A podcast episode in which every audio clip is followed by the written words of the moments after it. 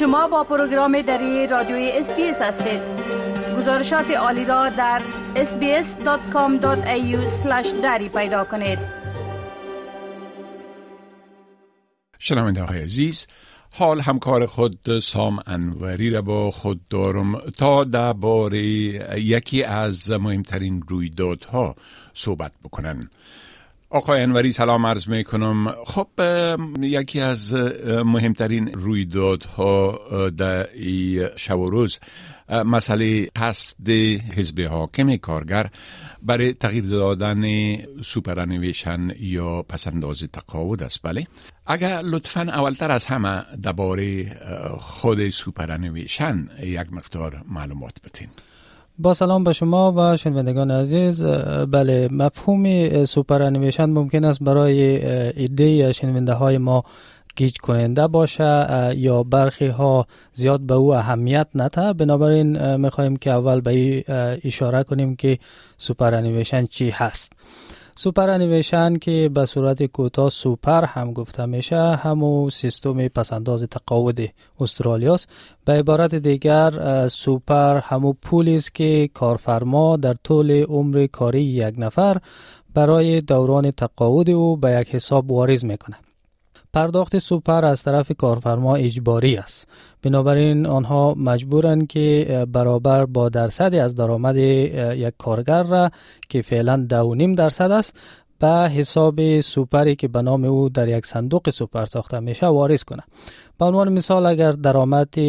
قبل از مالیات یک کارگر در یک هفته یک هزار دلار باشه کارفرمای او کارگر قانونا موظف است که علاوه بر پرداخت همو یک هزار 105 دلار دیگر را به حساب پسندازی کارگر واریز کنه. معمولا شما اجازه ندارید که قبل از رسیدن به سن تقاعد از این حساب پول برداشت کنید اما در بعضی شرایط استثنایی از جمله اگر با مشکلات مالی شدید روبرو باشید یا هزینه تبابت ضروری خارج از پوشش مدیکر را نداشته باشید می‌تونید که از این حساب پول برداشت کنید. حکومت پیشین اطلاف از این هم فراتر رفته بود و در دوران همگیری کووید 19 به استرالیایی ها اجازه داد که در صورت مواجهه با مشکلات بیکاری یا کم شدن ساعت کاریشان در دو نوبت ده ده هزار دلار را از حساب خود برداشت کنند که در نتیجه استرالیایی ها هم در کل حدود 36 میلیارد دلار را از حساب های پسنداز تقاعد خود بیرون کردند. همچنین قبل از انتخابات گذشته نخست وزیر پیشین اسکات موریسون طرحی را پیشنهاد کرد که بر مبنای او استرالیایی ها می توانستند برای خریداری خانه اول خود تا چهل درصد یا حد اکثر 50 هزار دلار را از حساب پسنداز خود برداشت کنند و این طرح در او زمان با مخالفت شدید از سوی انتونی البنیزی نخست وزیر فعلی روبرو شد. بله خب حال حزب حاکم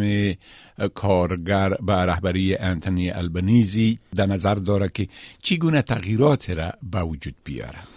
بله همانطور که اشاره شد موضوع برداشت پول از سوپرانویشن همیشه بین دو جناح اصلی سیاسی در استرالیا محل نزاع بوده. حزب کارگر که معمار سیستم پسنداز تقاعد استرالیا است به شدت از اقدامات چند سال اخیر حکومت لیبرال نشنل انتقاد کرده و اطلاف را محکوم به حمله به معیارهای زندگی استرالیایی ها و محروم کردن آنها از داشتن یک درآمد آبرومندانه در دوران پیری یا تقاعد توصیف کرده.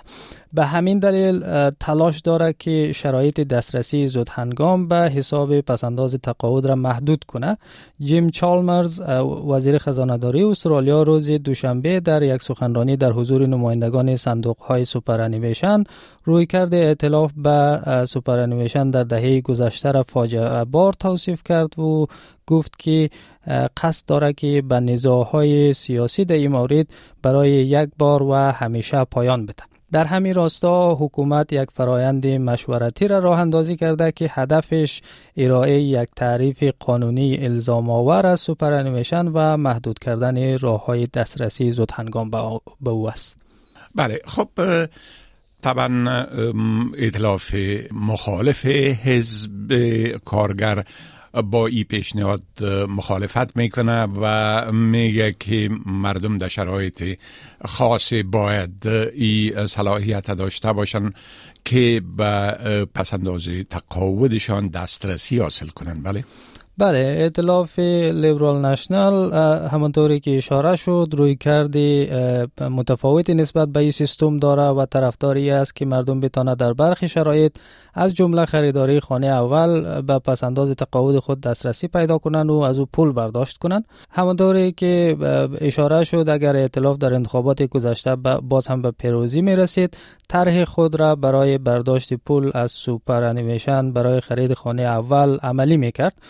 استوارد رابرت سخنگوی ائتلاف در امور خدمات مالی در واکنش به اظهارات آقای چالمرز گفت که کارگر با این کار خود فقط جیبای صندوق های سوپر را چاقتر می‌کنه او گفت که ائتلاف بیشتر نگران وقار و کرامت استرالیایی هاست که بدون دسترسی به حساب سپر خود توانایی خریداری خانه را نخواهند داشت و چیزی نمی‌تونه با وقارتر از این باشه که یک استرالیایی برای خودش خانه داشته باشه. او همچنین گفت که چی چیزی می‌تونه به وقارتر از این باشه که یک صندوق سپر با استفاده از پول شما خانه بخره که بعد همو خانه را شما به کرایه بگیرید. بله خب بسیار تشکر آقای انوری از این معلوماتتان و فعلا شما را به خدا می سپارم و روز خوش برتان آرزو می کنم تشکر از شما خدا نگهدار می خواهید این گونه گزارش ها را بیشتر بشنوید؟ با این گزارشات از طریق Apple Podcasts، Google Podcasts، Spotify و یا هر جایی که پادکاستتان را می گیرید گوش دهید.